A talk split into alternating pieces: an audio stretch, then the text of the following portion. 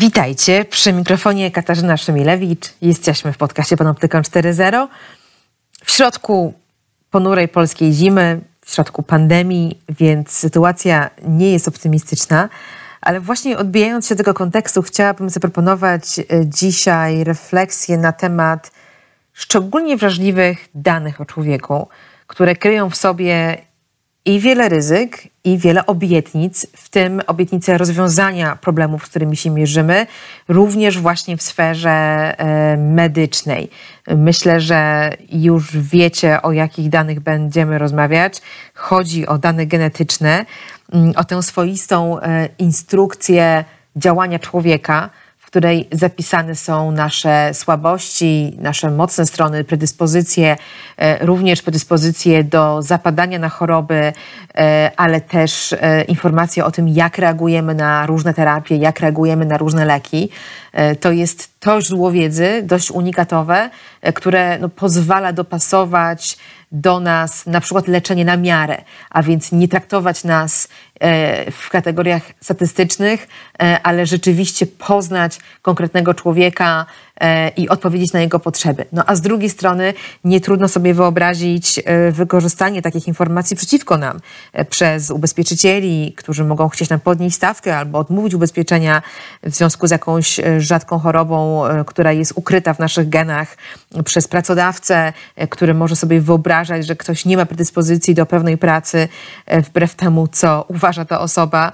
No aż po scenariusze takie jak z kultowego filmu Gataka, który osobiście bardzo cenię, e, gdzie mamy wizję społeczeństwa, które tak bardzo uwierzyło w predyspozycje genetyczne, że no poszło w eugenikę, w selekcję genetyczną i w zasadzie przyszłość ludzi, ich możliwości życiowe są w pełni determinowane przez e, to, co zawiera, co kryje ich DNA, a nawet nie kryje, bo jest to dla wszystkich jawne. No, bardzo przerażająca wizja. Oczywiście dla nas odległa, bo okazuje się, że w Polsce 2020 e, mamy zupełnie inne problemy. Nie mamy problemu z tym, że wszyscy wiemy, co się kryje w kodzie genetycznym. Dokładnie jest podobno, jest odwrotnie. Mało badamy swoje geny, jesteśmy do tego sceptycznie nastawieni. Brakuje takiego materiału dla badań naukowych. No pytanie dlaczego? Dlaczego e, pozostajemy sceptyczni e, i czy nasze obawy są uzasadnione? Jak z tym pracować i jak e, zabezpieczyć te informacje, żeby właśnie służyły nauce i służyły ludziom, a nie były na przykład komercyjnie wykorzystywane. O tych problemach, o tych wyzwaniach porozmawiam dziś z panią Anną Wójcicką. Witajcie w podcaście Panoptykon 4.0. Mówi do Was Katarzyna Szymielewicz. Jestem prawniczką i prezeską Fundacji Panoptykon, która reaguje na zagrożenia związane z rozwojem nowych technologii i to, co dzieje się na styku tej technologii człowieka. W Panoptykonie 4.0 mam ten komfort, że nie zaglądam do ustaw, nie gadam z politykami, ale mogę zrobić coś ciekawszego, mogę zajrzeć na zaplecze tych technologii, przemyśleć to, skąd się wzięły, co tak naprawdę zmieniają w naszym życiu, jak działają i rozmawiam o tym z ludźmi, którzy wiedzą, wiedzą, bo badają, wiedzą, bo są praktykami e, i tą wiedzą potrafią się dzielić. Technologie i człowiek. Człowiek i technologie. Gdzie na tym styku czekają na nas zagrożenia? Jak korzystać z technologii, by na nich skorzystać? Jak kontrolować, kto gromadzi o nas informacje i do czego ich używa? Z ekspertami i praktykami rozmawia Katarzyna Szymielewicz. Panoptykon 4.0 Podcast to KFM.pl i Fundacji Panoptykon. Tych problemach, o tych wyzwaniach porozmawiam dziś z panią Anną Wójcicką, genetyczką, doktor habilitowaną nauk medycznych z doświadczeniem badawczym przede wszystkim w e, obszarze nowotworów, e, ale przede wszystkim dla tej rozmowy współtwórczynią i współzarządzającą firmy Warsaw Genomics, o której misji dziś więcej powiemy. Witam Panią serdecznie. Dzień dobry, dzień dobry Państwu. Pani Anno, e, w Pani biogramie e, przeczytałam, że zawsze chciała Pani pracować w Polsce, mimo że ma Pani doświadczenie z różnych krajów, e, badawcze i zawodowe, by zmieniać rzeczywistość wokół siebie. Ta, to, to, to brzmi bardzo, bardzo pięknie. Mm, na jaką zmianę Wy pracujecie? Po co to badanie genów? O co tutaj chodzi? Bo rozumiem, że nie chodzi o pieniądze, chodzi o coś więcej. O co więcej nam chodzi? Naszą e, misją e, jest dostarczenie pacjentom rozwiązań, a tak naprawdę wiedzy, która, którą można wyczytać z ich genów, e, dzięki którym nie zachorują albo będą mogli jak najszybciej podjąć działania, które zapewnią jak, najskuteczne jak najskuteczniejsze leczenie. I teraz dlaczego to jest możliwe? Dlatego, że e, te geny, z którymi się rodzimy, e, one po pierwsze są instrukcją, która mówi, jak funkcjonuje nasz organizm, jak wyglądamy, w dużej mierze jak się zachowujemy, ale w tych genach też jest zapisane nasze ryzyko pewnych chorób oraz odpowiedź na leczenie.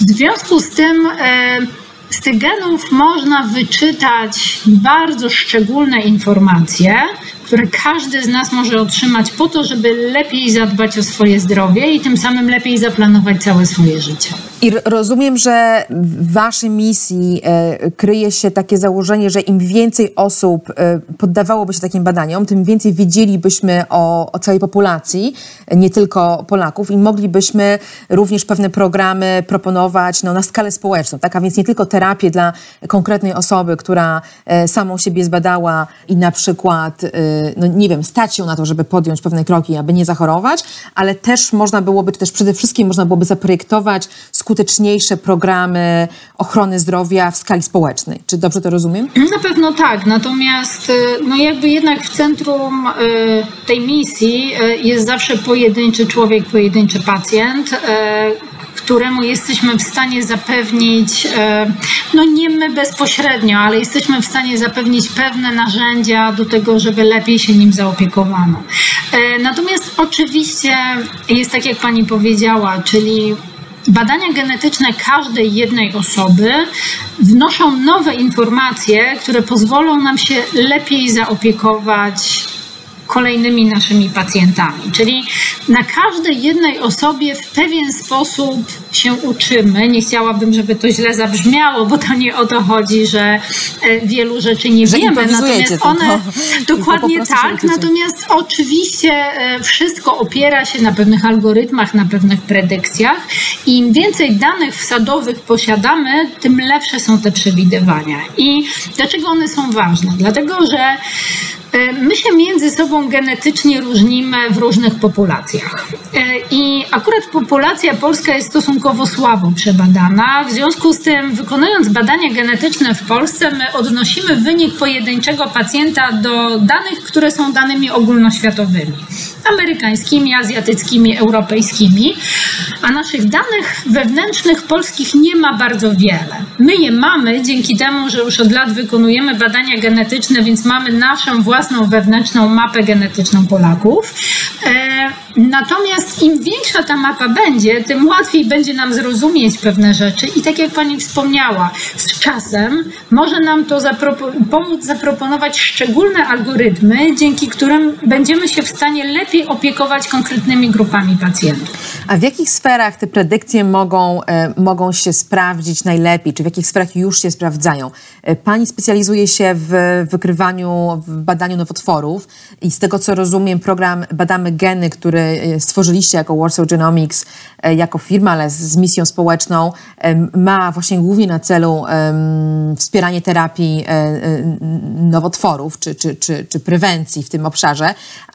I to jest chyba dość ugruntowane, ale, ale gdzie, gdzie, gdzie jeszcze poza badaniami nad rakiem takie predykcje się sprawdzają? Bo rozumiem, że my jako ludzie, nasz kod jest niezwykle, to jest jakaś ogromna encyklopedia, która w większości jeszcze mamy ją nierozpoznaną, prawda? Nie możemy jeszcze przeczytać w całości kodu genetycznego człowieka. Więc co, co potrafimy przeczytać ze zrozumieniem? E, znaczy, zapis genetyczny człowieka potrafimy przeczytać w całości. On po raz pierwszy został przeczytany w roku 2003 i mniej więcej od tego czasu go rozszyfrowujemy. Więc przeczytać umiemy, zrozumieć nie do końca. E, ten zapis to jest, są przeszło 3 miliardy liter, które tworzą nasz cały materiał genetyczny i człowiek ma 25 tysięcy genów, czyli takich konkretnych instrukcji, które mówią, jak jakaś tam część naszego organizmu funkcjonuje. E, na dzisiaj e, z medycyną bądź jakimiś chorobami potrafimy powiązać 5 z tych 25 tysięcy genów, więc faktycznie niedużo. I dlatego e, wiemy dzisiaj na tyle dużo, żeby pomóc indywidualnym pacjentom, ale jeszcze wiemy, że duża droga przed nami, żebyśmy umieli pomagać lepiej. Natomiast jeżeli chodzi o to, co potrafimy z takiej perspektywy medycznej, no bo o tym dzisiaj mówimy, wyczytać z genów, e, to ja bym po, po, podzieliła. Yy, tak naprawdę to na dwie podstawowe grupy, bo pierwsza grupa chorób, które z genów możemy wyczytać, to są choroby, z którymi już się rodzimy. Mm, czyli najczęściej to są choroby, które już ujawniają się w dzieciństwie. E, widzimy, że dziecko na przykład nie rozwija się prawidłowo, wykonujemy badanie genetyczne i dzięki niemu stawiamy diagnozę choroby. Natomiast druga grupa chorób, które z genów potrafimy wyczytać, to między innymi właśnie choroby nowotworowe, czyli to jest taka grupa chorób, e, które są w naszych genach zapisane jako pewnego rodzaju ryzyko. Czyli my możemy mieć w genach zapisane zwiększone ryzyko chorób nowotworowych, chorób serca, zaburzeń widzenia i słuchu, tak samo, czy na przykład różnego rodzaju zaburzeń neurologicznych, takich jak zwiększone ryzyko chociażby choroby Parkinsona. I to są takie informacje, które jeżeli odpowiednio wcześnie zdobędziemy, to dużej części tych chorób będzie można zapobiec albo wykryć je na tyle wcześnie, żeby można było złagodzić ich przebieg. I jeżeli chodzi o choroby, no to to są takie dwie podstawowe grupy. Natomiast trzecia grupa informacji bardzo ważnych, które możemy wyciągnąć z genów, to jest nasza odpowiedź na leczenie. Nawet takie proste leki, które przyjmujemy na co dzień, ibuprofen, aspiryna, e, to czy one nam pomogą, czy raczej zaszkodzą w tych tak zwanych standardowych dawkach, też jest zapisane w naszych genach, bo właściwie wszystkie leki, które przyjmujemy, przecież ich dawkowanie jest opracowywane w oparciu o badania kliniczne, czyli w oparciu o statystyczną odpowiedź. Nie ma statystycznego człowieka. Każdy z nas jest zupełnie inny i tę inność definiują właśnie nasze geny. E, bardzo ciekawe. Dopytuję o to, e, które choroby mm, są w jakiś sposób predyspozycje nasze e, do chorowania są zapisane w, w genach, a, a, a gdzie zaczynamy wkraczać w jakieś pole, no właśnie, mm, czy dezinformacji, czy pewnych mitów na temat naszego kodu genetycznego, ponieważ kiedy, kiedy wrzucimy sobie w internet testy DNA, e, okazuje się, że rozmaitych firm, które obiecują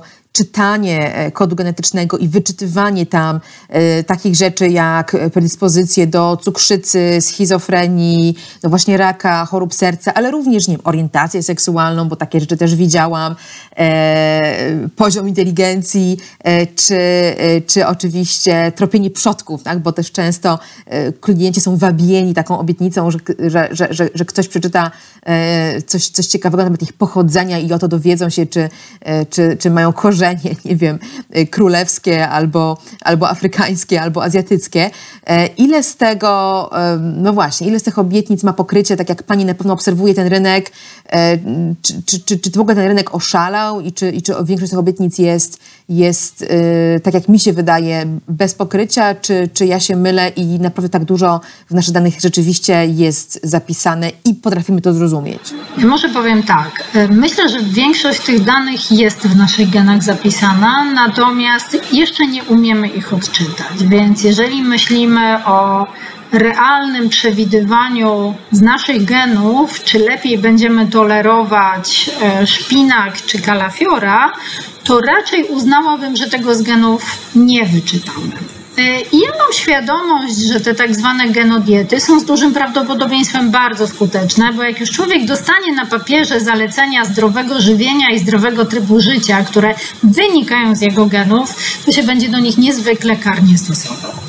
E, I myślę, że trochę na takiej zasadzie to działa. Jeżeli chodzi Szczególnie o... Szczególnie jeśli zapłaci za to konkretne pieniądze, tak. prawda? I no zainwestuje. Więc, tak długo, jeżeli przynajmniej częściowo mamy tego świadomość, to jest to jakoś akceptowalne.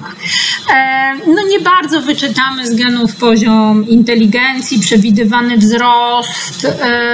To gdzieś w naszych genach na pewno jest zapisane, ale nie potrafimy tego wprost odczytać. Wspomniała Pani o tych badaniach e, pochodzenia, które faktycznie są dosyć popularne, może mniej w Polsce, no szczególnie w Stanach Zjednoczonych, gdzie każdy chce wiedzieć skąd pochodzi. Ja mam do nich taki stosunek dosyć otwarty, bo zakładam, że jest to po prostu zabawa w genetykę. Myślę, że nikt, kto robi te badania, nie oczekuje nie wiadomo jakich informacji, no bo przecież nie pyta o swój stan zdrowia, pyta po prostu o pochodzenie. I może to przynajmniej oswaja sam fakt badania DNA. Więc gdzieś chyba nie ma nic w nich złego. One są o tyle ciekawe, że te badania też pokazują, w jaki sposób nowe informacje, które dostajemy dzięki badaniu nowych e, osób, e, pozwalają nam lepiej zrozumieć zapis DNA pojedynczego pacjenta, bo e, no ja mam kilku znajomych, którzy wykonali sobie takie badanie genetyczne. I im się to pochodzenie zmienia. Co pół roku są przesuwani gdzieś w innym miejsce świata, dlatego że no, więcej osób się zbadało. Algorytm się uczy. Algorytm się uczy, dokładnie. dokładnie. Więcej osób się zbadało i się okazuje, a nie, to jednak nie stąd, y, to 300 kilometrów dalej. Mhm. No więc tak długo jak mamy świadomość e, ograniczeń takich badań, wydaje mi się, że nie ma nic w nich bardzo złego, natomiast no, jest na pewno kluczowe, żeby te, z tych ograniczeń zdawać sobie sprawę. No właśnie, pytanie na ile firmy, które, które wabią e, klientów e, o tych ograniczeniach, ich jednocześnie informują. Nie wiem, bo sama nie korzystałam, ale jestem ciekawa, jeżeli, jak, jak wy się komunikujecie jako firma, która, która również oferuje no, i usługę, i programy e, wychodzące poza sferę komercyjną, bo również programy, programy badawcze, programy wspierające e, i badania naukowe i, i jak rozumiem rozwój medycyny, więc wasza misja jest również misją społeczną, ale kiedy macie kontakt z klientem, to przed czym wy na przykład przestrzegacie albo jakie, o jakich ograniczeniach wy mówicie e, po to właśnie, żeby ten poziom etyki wysoki utrzymać? Znaczy, przede wszystkim my nie mamy klientów, mamy wyłącznie pacjentów i to jest dla nas kluczowe. My jesteśmy jednostką medyczną, medyczną. Duża różnica. E, I, e, i każdy, kto do nas trafia, nawet jak jest osobą zupełnie zdrową, co bywa rażące, ale jest dla nas pacjentem. E, przychodzi do nas po poradę, po jakąś pomoc i my nim jako pacjentem musimy się zaopiekować. No, mnie osobiście nieraz zdarzyło się, ja akurat najczęściej miewam konsultacje z zakresu doboru takich terapii w chorobach nowotworowych, czyli do, dobieranie nowoczesnych terapii oparte o zapis genetyczny i pacjenta, i tkanki nowotworowej. Nieraz zdarzyło mi się no, odwodzić pacjentów od myśli, żeby wykonać badanie genetyczne, no ze świadomością, że ono w konkretnym tym wskazaniu niewiele wniesie. Więc tak naprawdę najważniejsze jest to dla mnie, żeby pacjent znał ograniczenia i zalety każdego badania, bo przebadać możemy zawsze każdego. Natomiast pytanie po co? Mhm. No właśnie, przeczytamy, i, a potem mm, jednak musimy też zaufać, że to, co przeczytaliśmy, będzie zrealizowane, e, że los tych danych w praktyce nie, nie będzie inny. E, jak kojarzę taką e, sprzed roku informację z amerykańskiej prasy, która myślę trochę wstrząsnęła tym rynkiem, że firma GetMatch musiała, została zmuszona do tego, żeby współpracować z policją stanową i ujawnić no właśnie dane genetyczne ich klientów, którzy nie wyrazili na to zgody i nie byli o tym e, ostrzegani w związku ze sprawą kryminalną, w której poszukiwano e, krewnych zabójcy, mając nadzieję, że ten trop pozwoli rzucić światło na sprawę. A więc no, cel szczytny i może nawet powiedzielibyśmy, dlaczego nie, dlaczego nie pomóc w takiej sprawie, ale to jest dobry przykład tego, e, jak ciężko przewidzieć, w jaki sposób takie informacje mogą potem być wykorzystywane, czy, czy, czy jak mogą jak może wyglądać ich, e, ich, ich, ich życie. E, e, pani wspomniała wcześniej o tym, że, że kiedy są przekazywane dalej, na przykład firmom farmaceutycznym, to one są jednak anonimizowane. E, czy, czy to jest rzeczywiście wiarygodne zabezpieczenie i czy takiego, e, czy, czy, czy, czy da się w ogóle skutecznie zanonimizować dane genetyczne, które no, mi się kojarzą z czymś unikatowym, co opisuje człowieka w sposób, który, mm, które bardzo łatwo, które właśnie nas odróżnia od innych. A więc na czym polega anonimizacja danych genetycznych? Proszę to sobie może wyobrazić w taki sposób, że my oczywiście nie jesteśmy w stanie do końca zanonimizować e, danych genetycznych jednej osoby.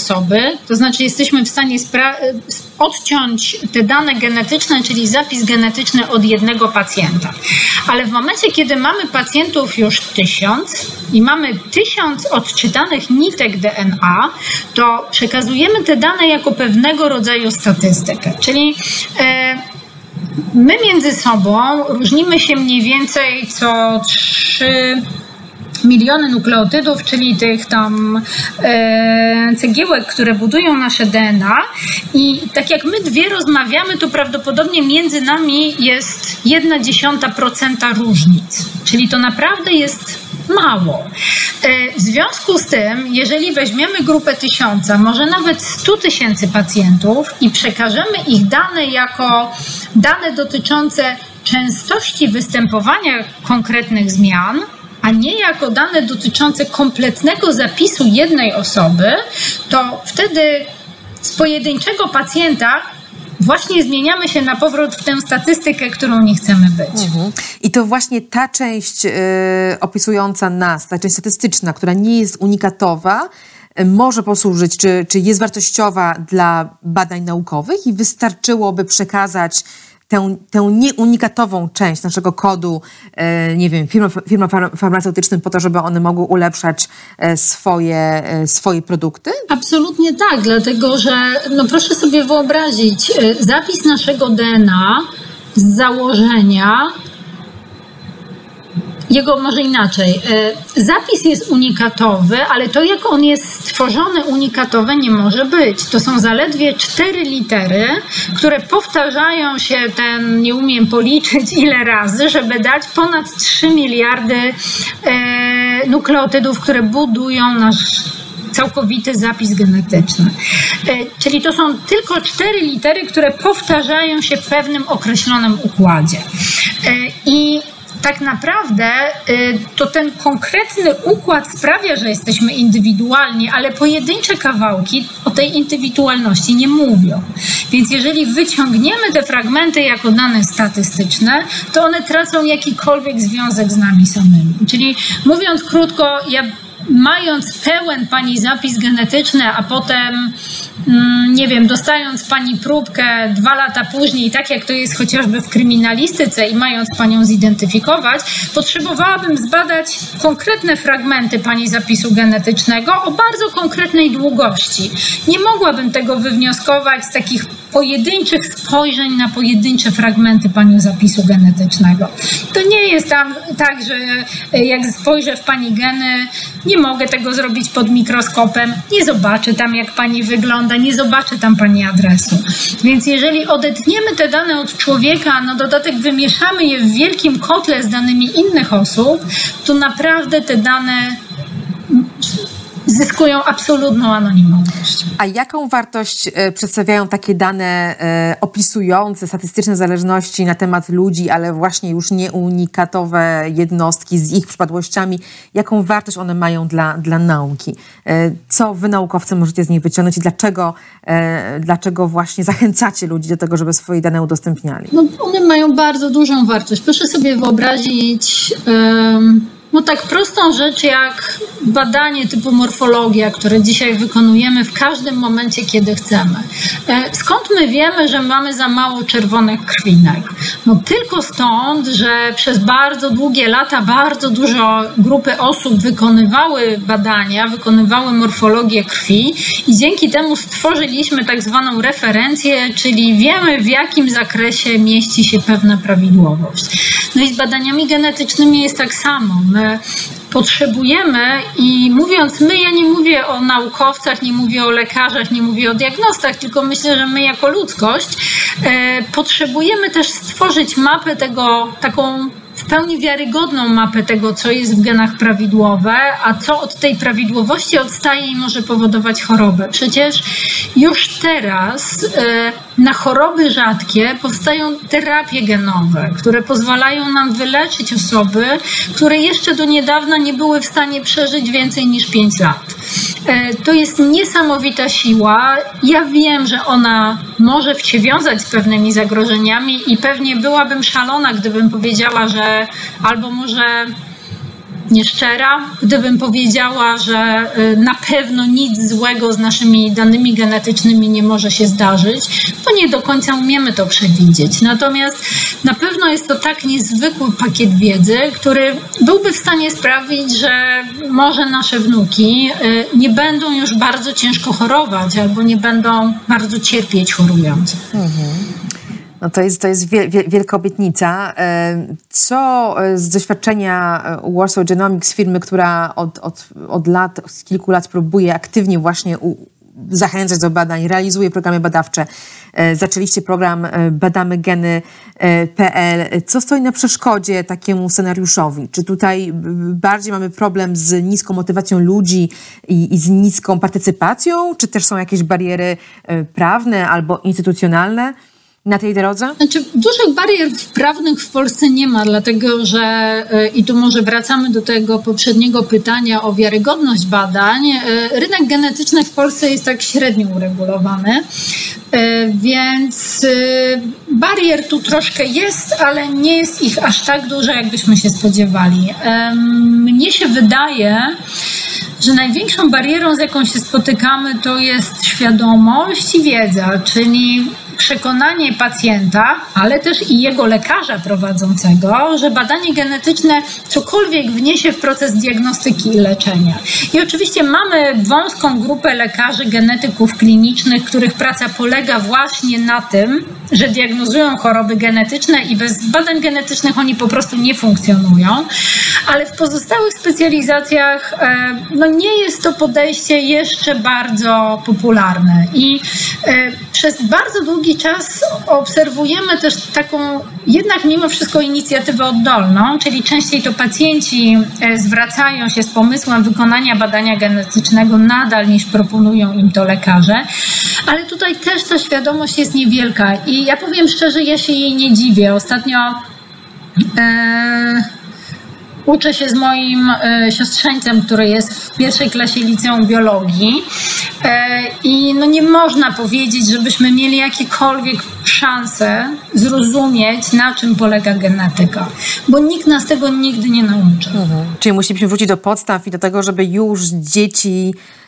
były uczone tego, jakie, na czym polega ta instrukcja e, człowieka zawarta w naszych genach, e, co w niej rzeczywiście jest, a czego w niej nie ma, zbijania tych mitów i być może właśnie stereotypów, które z jednej strony powodują, nie wiem, jakieś bezpodstawne nadzieje i karmią nieetyczne komercyjne usługi, a z drugiej blokują naszą chęć do wchodzenia w poważne badania. Tak, tak, tak, tak to słyszę, że z jednej strony być może spodziewamy się w tych genach czegoś, czego tam w ogóle nie ma, a z drugiej nie doceniamy tej wartości, która tam jest. No zdecydowanie tak. No myślę, że jest to bardziej zdecydowanie nam potrzebne niż informacje na temat budowy komórki. Ale, ale dlaczego? Bo po pierwsze, jeżeli wiemy, po cóż te badania genetyczne są, no to właśnie potrafimy jakoś wyobrazić sobie ich wykonanie w naszym życiu, ale po drugie, e, no niewiedza budzi demony, czyli e, im bardziej czegoś nie rozumiemy, im bardziej jest to dla nas obce, tym bardziej się tego boimy.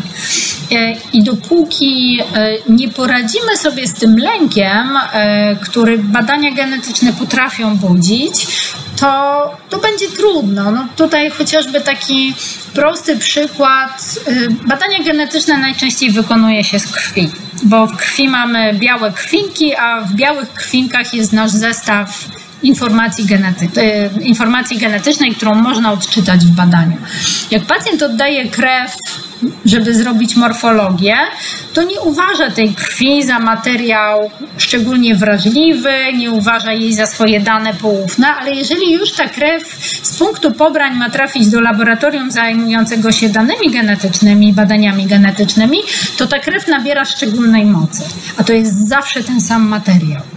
I oczywiście rozumiem, że na końcu badania genetyczne wnoszą coś więcej, ale ten wyjściowy materiał jest ten sam, a od początku jest przez pacjentów traktowany jak coś zupełnie innego w zależności od tego, na jakie badanie ma trafić. No, w jakimś nieetycznym scenariuszu możemy sobie wyobrazić, że ta morfologia będzie wykonana, a przy okazji ktoś, kto ma dostęp do krwi yy, oddanej w celu wykonania prostej morfologii, zrobi z nią coś więcej. No, skoro już ma taki materiał, to teoretycznie przynajmniej może to zrobić, więc jeżeli byśmy się aż tak obawiali, yy, to na przykład, no nie wiem, szerokie wykorzystywanie, yy, szeroki dostęp do komercyjnych usług, właśnie morfologia na życzenie powinien nas trochę no, napawać ryzykiem, prawda? A, a tak jak pani mówi, nie napawa, czyli, czyli gdzieś z jednej strony bardzo, ja mam takie poczucie, że bardzo chętnie wchodzimy w, w komercyjny rynek usług medycznych, może dlatego, że musimy, może dlatego, że, że oczekujemy jakichś konkretnych korzyści, e, a, a, a z drugiej faktycznie materiał genetyczny brzmi poważnie.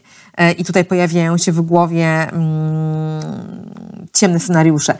Więc jak, jak im przeciwdziałać? Jak pani by zachęcała w takim razie do takich badań, czy uspokajała e, osoby, które są ciekawe, ale trochę się boją? E, znaczy, dla mnie badania genetyczne to jest wiedza, którą możemy dostać do rąk i lepiej o siebie zadbać. E, My tymi badaniami genetycznymi nie zmieniamy rzeczywistości.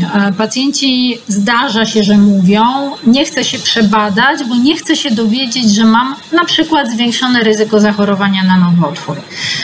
Ale my nie zmieniamy rzeczywistości. Jeżeli w badaniu genetycznym wyjdzie, że to ryzyko jest zwiększone, to ono takie jest. My się tacy urodziliśmy. A dostając wynik takiego badania, dostajemy jednoznaczne narzędzia, które powodują, że możemy zachować zdrowie i życie. Czyli to, ta genetyka daje nam szczególną możliwość takiej bardzo wczesnej prewencji, która rozpocznie się jeszcze zanim zacznie się choroba. To nie jest wczesna diagnostyka, to jest przewidywanie. E, a wracając do tych lęków, to no ja zrobiłam sobie kompletne badanie genetyczne, co jest pewnie oczywiste, prawda? Mam takie możliwości, a poza tym trudno byłoby mi namawiać pacjentów do badania, gdybym nie wiedziała też jakby chociażby z jakim stresem to się wiąże, bo ja nie ukrywam, że jak otwierałam te swoje wyniki, a patrzyłam na taki no, półsurowy zapis, to też gdzieś tam poczułam o raju, co ja tam znajdę.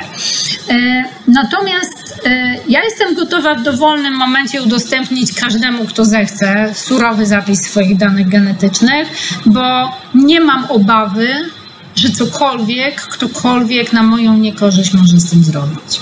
No a właśnie taka, um, taka bezradność, czy takie poczucie bycia zostawionym z trudną wiedzą w kraju takim jak Polska, gdzie nasze szanse na skuteczną terapię cały czas są ograniczone, e, no a nawet w innych krajach one zależą bardzo mocno na przykład od naszego statusu finansowego, więc e, co w sytuacji, w której ktoś się dowiedział, a potem, y, czy może tak być, dowiedziałam się, że mam zwiększone ryzyko konkretnej choroby, terapia na to jest y, droga albo trudno dostępna i jasną wiedzą zostaje i jest mi ciężko. Rzeczywiście może lepiej wiedzieć, ale, ale y, ta bezradność jest, jest, jest bolesna. A gdybym nie wiedziała, to byłabym po prostu zaskoczona, miałabym mniej czasu i przynajmniej krócej bym się martwiła o to, że na koniec dnia nic z tym nie zrobię. Czy taki scenariusz jest realny? Czy on się zdarza?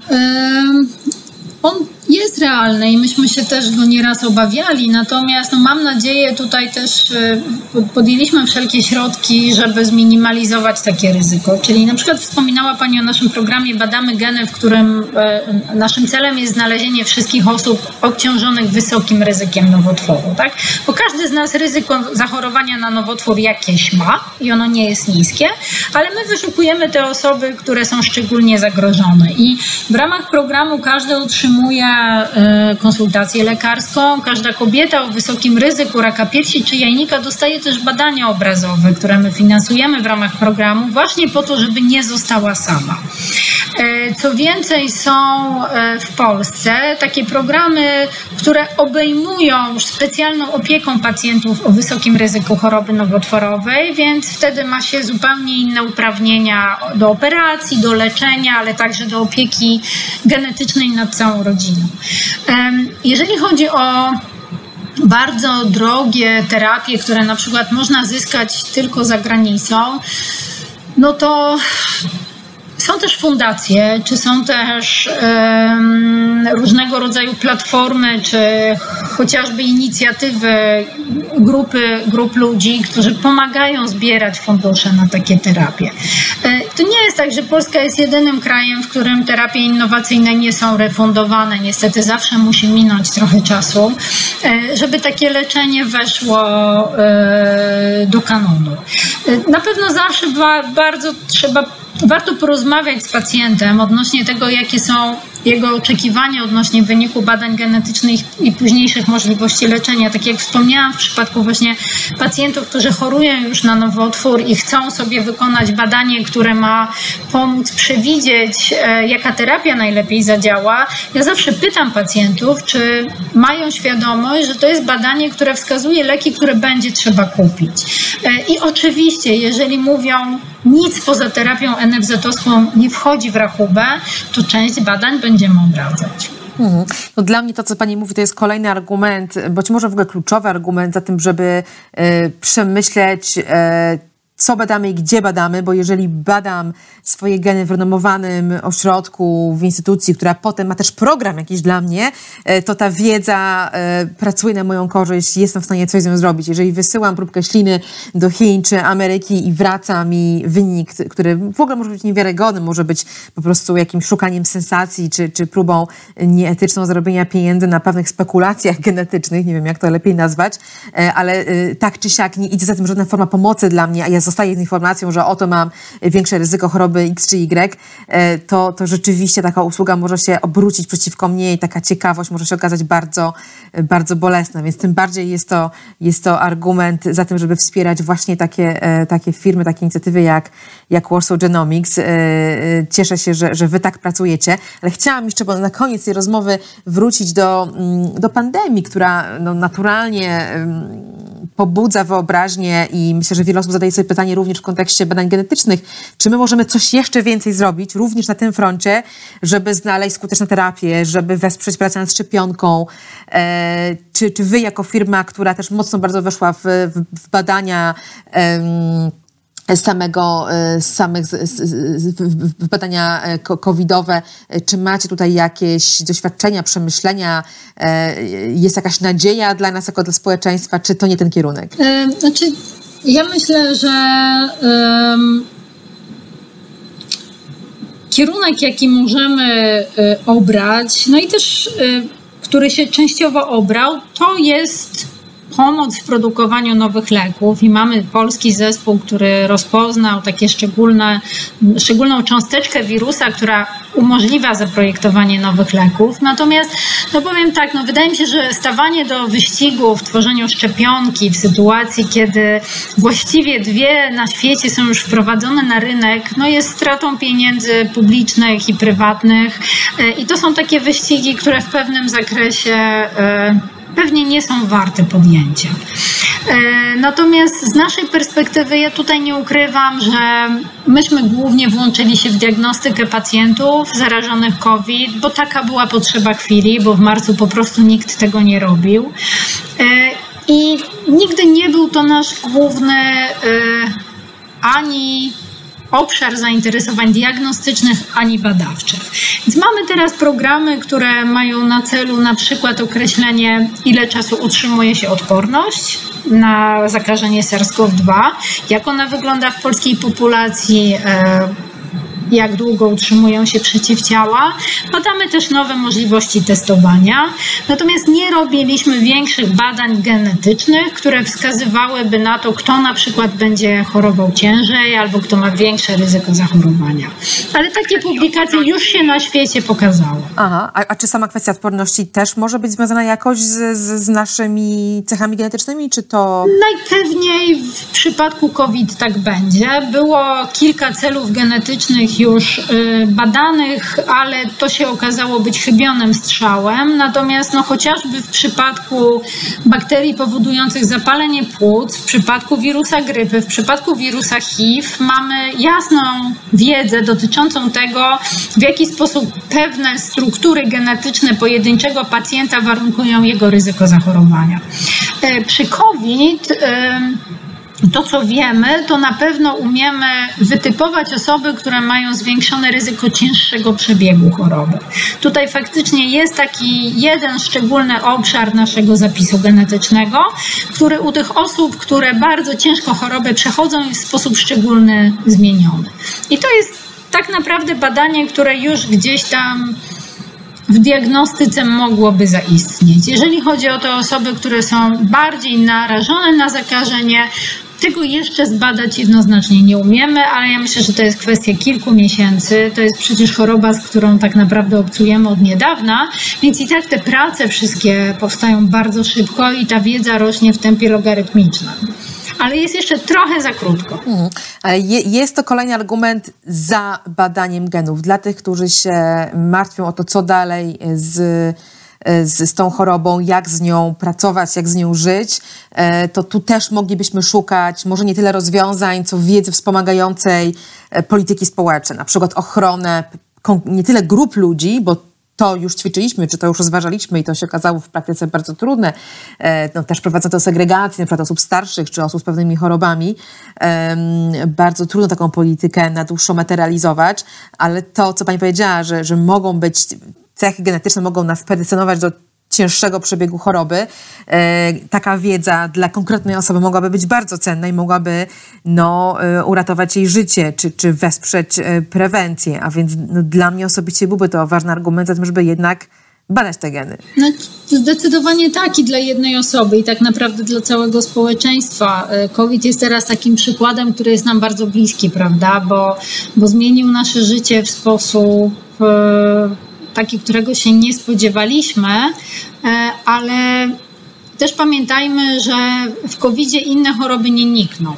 No, nie przestajemy być narażeni na inne choroby, no może pomijając zaburzenia ze strony układu pokarmowego, bo okazuje się, że jak skuteczniej myjemy ręce, to nie ma tak wielu zatruć. Natomiast inne choroby, takie jak choroby nowotworowe, neurologiczne, choroby serca, one nie znikają i problem też jest taki, że mniej się badamy, mniej chodzimy do lekarza, więc teraz jest taki moment, kiedy moim zdaniem powinniśmy bardzo szczególnie zadbać o profilaktykę i prewencję. I trochę musimy to chyba zrobić na własną rękę. Znaczy pamiętać, że no, nikt o nas nie zadba tak dobrze jak my sami. Więc e, nie wiemy, jak będzie wyglądała służba zdrowia i finansowanie, ale gdzieś nadal nie ściąga z nas to odpowiedzialności za nas, za siebie samych. Bardzo dziękuję za to przesłanie na koniec naszej rozmowy. E, również mam nadzieję, że kolejne lata przyniosą nam dobre przełomy, nie tylko w badaniu genów, ale w ogóle w walce z chorobami e, i pandemiami wszelkiego typu. Oby ten kolejny rok był lepszy. E, w tym momencie pozostaje mi już tylko życzyć e, wszystkim zdrowia i podziękować Pani Anno za e, bogatą w ciekawe fakty i wyjaśnienia rozmowę, a Wam wszystkim za dosłuchanie do tego momentu. Do usłyszenia w kolejnych odcinkach podcastu Panoptykon 4.0. Żegna się z Wami Katarzyna Szymielewicz. Technologie i człowiek. Człowiek i technologie gdzie na tym styku czekają na nas zagrożenia? Jak korzystać z technologii, by na nich skorzystać? Jak kontrolować, kto gromadzi o nas informacje i do czego ich używa? Z ekspertami i praktykami rozmawia Katarzyna Szymielewicz. Panoptykon 4.0 Podcast to KFM.pl i Fundacji Panoptykon.